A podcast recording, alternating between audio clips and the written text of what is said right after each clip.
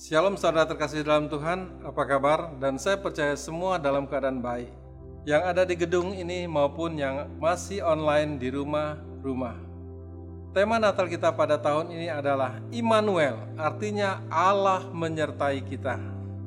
Kita diingatkan bahwa Allah senantiasa menyertai kita, walaupun di tengah-tengah masa apa pun juga, Tuhan tetap ada bersama kita. Ingatlah senantiasa bahwa Allah akan tetap menyertai kita apa pun yang terjadi, baik ataupun tidak baik. Tema Natal tahun ini, Immanuel, Allah menyertai kita, berbicara tentang kasih Allah yang luar biasa bagi kehidupan kita. Karena begitu besar kasih Allah akan dunia ini, sehingga ia telah mengaruniakan anaknya yang tunggal. Supaya setiap orang yang percaya kepadanya tidak binasa, melainkan beroleh hidup yang kekal. Tujuan Tuhan Yesus harus lahir ke dunia ini adalah untuk menyelamatkan setiap umat manusia yang ada di dunia ini. Sebab semua orang telah berbuat dosa dan telah kehilangan kemuliaan Allah. Roma 3 ayat 23. Upah dosa adalah maut. Roma 6 ayat 23. Dan tempatnya di neraka. Tempat yang sangat mengerikan. Tertulis di Matius 13 42. Bagaimanakah caranya Tuhan selamatkan kita? Kita perlu membacanya.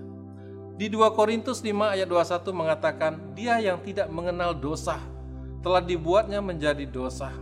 Karena kita, supaya dengan dia, kita dibenarkan oleh Allah.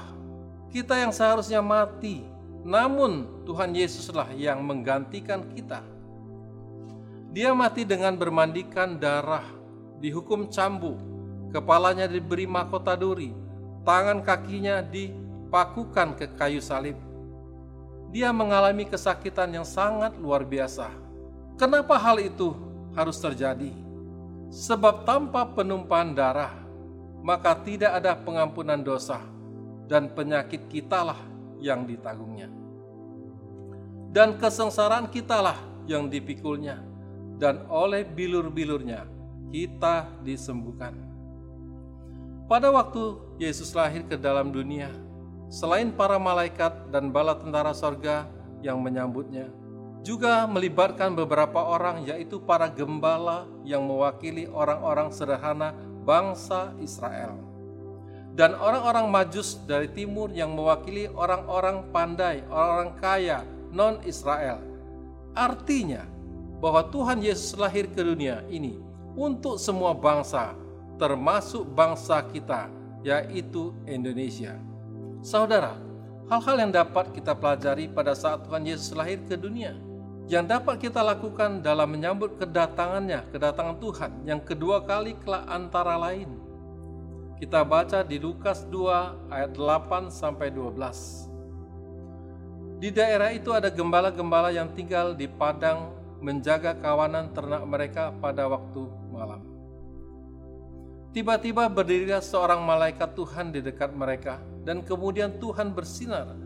Kemuliaan Tuhan bersinar meliputi mereka, dan mereka sangat ketakutan. Ayat 10 lalu kata malaikat itu kepada mereka, Jangan takut, sebab sesungguhnya aku memberitahukan kepadamu kesukaan yang besar untuk seluruh bangsa. Hari ini, ayat 11 mengatakan, hari ini telah lahir bagimu juru selamat yaitu Yesus Kristus di kota Daud. Jadi ada empat hal kita dapat dalam pembacaan firman ini. Yang pertama, ketaatan. Para gembala meskipun tidak mengerti, namun mereka tetap taat. Ini penting saudara. Yang kedua, keintiman dengan Tuhan. Ini sangat-sangat penting. Berbicara mengenai doa, pujian, dan penyembahan bersama-sama dalam unity siang dan malam. Yang ketiga, menyembah Tuhan Yesus. Artinya melakukan segala kehendak Tuhan. Amin. Yang keempat, mempersembahkan persembahan untuk kemuliaan Tuhan, bukan untuk diri sendiri. Katakan bukan untuk diri sendiri. Apa yang orang Majus berikan kepada Tuhan? Kita semua sudah tahu dan sering kita dengar Pertama, jelas waktunya. Dengan berbulan-bulan mereka jalan kaki dan naik onta. Waktu adalah sangat berharga bagi manusia dan tidak akan kembali lagi. Pemasmur berkata di Mazmur 90 ayat 12, Ajarlah kami menghitung hari-hari kami sedemikian, sehingga kami beroleh hati yang bijaksana. Maka selagi ada waktu saudara terkasih, pergunakanlah sebaik-baiknya untuk kemuliaan Tuhan, untuk kemuliaan Tuhan. Sedangkan harta di bumi masih bisa kita cari itu juga kita masih diberi waktu untuk mencari harta di bumi.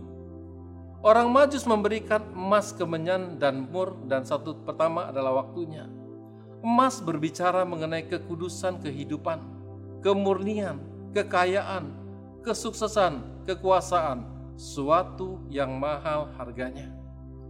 Kemenyan berbicara mengenai korban, yaitu Roma 12 ayat 1 yang sering kita baca dan ditampilkan dalam beberapa bulan ini, persembahan yang menyenangkan hati Tuhan, yaitu melakukan kehendak Tuhan, menyerahkan seluruh kehidupan kita kepada Tuhan. Sesudah itu, mur berbicara mengenai pengurapan yang diberikan oleh Tuhan, bukan untuk diri sendiri. Sekali lagi, bukan untuk diri sendiri, ketenaran atau mencari uang, melainkan untuk kemuliaan Tuhan berbicara mengenai ketaatan, hal ini sangat penting dalam menyambut kedatangan Tuhan Yesus yang kedua kali, supaya kita terangkat masuk ke dalam sorga. Katakan dalam sorga.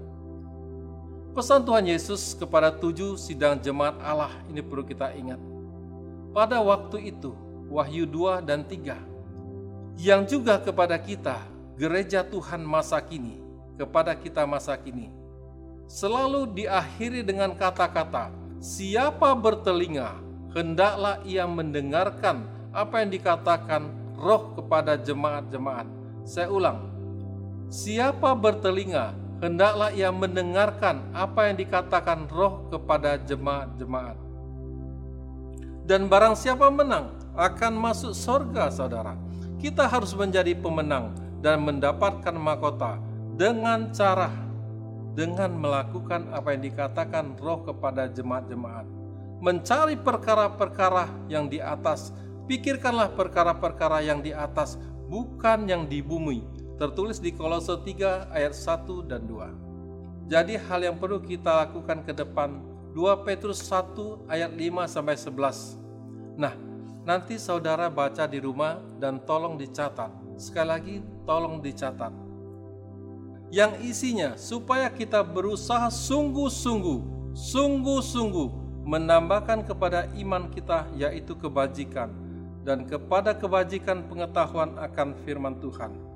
Artinya merenungkan firman Tuhan, merenungkan Taurat itu siang dan malam. Dan kepada pengetahuan, penguasaan diri, kepada penguasaan diri, ketekunan, kepada ketekunan, kesalehan, dan kepada kesalahan kasih akan saudara-saudara seiman dan kepada kasih akan saudara-saudara kasih akan semua orang. Jika kita melakukan ini dengan sungguh-sungguh saudara, maka pengenalan kita akan Tuhan akan semakin bertambah dan hidup kita tidak akan tersandung dan masuk ke sorga dan mempunyai hak penuh yaitu mendapatkan mahkota.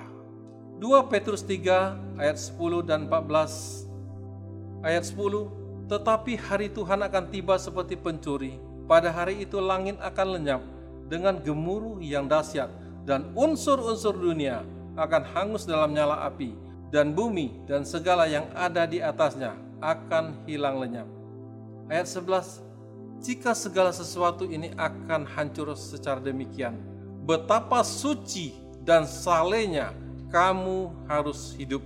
Kita harus hidup yang ayat 12 yaitu kamu yang menantikan dan mempercepat kedatangan hari Allah. Pada hari itu langit akan binasa dalam api dan unsur-unsur dunia akan hancur karena nyala. Ayat 13 tetapi sesuai dengan janjinya kita menantikan langit yang baru dan bumi yang baru di mana terdapat kebenaran. Ayat 14 sebab itu saudara-saudaraku yang kekasih sambil menantikan semuanya ini. Kamu harus berusaha supaya kamu kedapatan tak bercacat dan tak bernoda di hadapannya dalam perdamaian dengan dia. Betapa suci dan salehnya kita harus hidup, harus berusaha sungguh-sungguh supaya kita kedapatan tidak bercacat dan tak bernoda di hadapannya sewaktu Tuhan Yesus datang. Sebentar lagi saudara terkasih dalam Tuhan kita akan meninggalkan tahun 2021 dengan tema integritas. Tetapi saudara, di tahun ke depannya terus kita masuk dan kita tidak akan meninggalkan integritas hidup kita sebagai orang-orang Kristen sampai Tuhan Yesus datang kedua kali. Dan untuk itu kita akan masuk ke tahun 2022 yaitu tahun paradigma yang baru. Kita beri kemuliaan pada Tuhan. Pesan Tuhan kita harus mempersiapkan prajurit Tuhan yang gagah perkasa sesuai dengan DNA kita yaitu menjadi prajurit-prajurit Tuhan yang gagah perkasa. Kita harus keluar untuk menyelesaikan amanat agung Tuhan Yesus.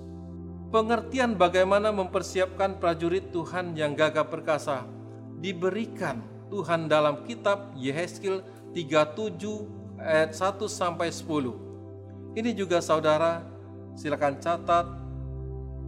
Saya tunggu saudara mencatat dan nanti tolong baca di rumah berulang-ulang. Katakan berulang-ulang. Mengenai tulang-tulang kering, berbicara bangsa Israel dan sekarang yang dimaksud adalah gereja-gereja Tuhan saat sekarang yang mengalami kekeringan dan kita diperintahkan untuk bernubuat kepada mereka sama seperti yang diperintahkan kepada Yehezkiel minta roh kudus turun supaya urat, daging, dan kulit itu tumbuh urat, daging, dan kulit berbicara mengenai pelayanan-pelayanan dalam gereja. Kita semua adalah gereja Tuhan. Di mana pun Tuhan tempatkan, baik di marketplace atau di mana pun juga, kita adalah gereja Tuhan.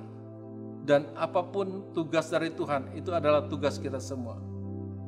Tuhan sedang mengingatkan mengenai pelayanan-pelayanan di gereja untuk ditumbuhkan terlebih dahulu sebagai persiapan untuk pencurahan Roh Kudus yang dahsyat di era Pentakosta ketiga ini. Jadi semua bidang harus ditingkatkan di gereja dan persiapkan untuk kita masuk ke tahun paradigma yang baru ini. Yang pertama tentang penginjilan. Puji Tuhan kita terus bergerak ke cabang dan ranting dan pos PI. Dan dalam waktu dekat kita akan buka tiga gereja yang baru. Yaitu di Tugu Mulyo, itu di Lubuk Linggau masuk ke dalam Sesudah itu Kabupaten Lebong, kabupaten yang belum ada GBI-nya. Dan air nipis yaitu di Kabupaten Mana. Dan satu lagi, di SP3 kita juga sudah membuat rumah singgah untuk suku anak dalam. Sehingga suku anak dalam tidak menjadi suku anak dalam lagi. Tetapi mereka menjadi keluar dan keluar menjadi orang-orang yang dipakai Tuhan secara luar biasa. Kedua pengajaran terus ditingkatkan. Penggembalaan terus diperbaiki persekutuan sudah cukup padat. Kita lihat sudah semakin hari semakin luar biasa. Peribadahan terus membaik sehingga jemaat-jemaat bertambah secara onsite di ibadah onsite. Yang keenam pelayanan yang disebut diakonia. Nah yang ini untuk event Natal kita akan bergerak dan sudah bergerak. Ke panti asuhan, ke masyarakat, ke jemaat kul yang membutuhkan. Perhatikan ke jemaat kul yang membutuhkan Gereja ini bergerak dengan baik karena Tuhan sebagai kepala gereja. Dan Tuhan pakai saudara semua. Amin. Kita beri kemuliaan pada Tuhan. Dan ketujuh, penata layanan. Kita akan tingkatkan melayani dengan baik dan mengajak saudara yang rindu melayani di era Pentakosta ketiga ini sama-sama menuai jiwa-jiwa juga Pak Niko sampaikan persiapkan doa, pujian dan penyembahan. Doa pagi contohnya. Doa fajar. Menara doa. Kul dan kom. Pemuritan dan lain-lain yang sudah dilakukan di gereja agar terus bertumbuh dan berkembang. Pelayanan-pelayanan tersebut sedang dibawa kepada suatu paradigma yang baru. Persiapkan dan tanya kepada Tuhan, apa yang harus dilakukan agar tubuh adalah gereja terbentuk dan siap menerima Roh Kudus yang dahsyat. Saat ini kita sedang menunggu nafas hidup dari empat penjuru mata angin turun ke bumi ini, yaitu pencurahan Roh Kudus yang dahsyat kembali di era Pentakosta ketiga ini. Pencurahan Roh Kudus yang dahsyat tersebut turun bukan kepada tulang-tulang kering, perhatikan saudara, bukan kepada tulang-tulang kering, melainkan kepada tubuh. Dan karena itu gerejanya sebagai tubuh Kristus perlu mempersiapkan diri dengan sebaik-baiknya. Dan pada akhirnya saat roh kudus yang dahsyat turun maka padang gurun akan berubah menjadi kebun buah-buahan. Mari kita persiapkan diri menjadi prajurit-prajurit Tuhan yang gagah berani memberitakan Injil kebenaran.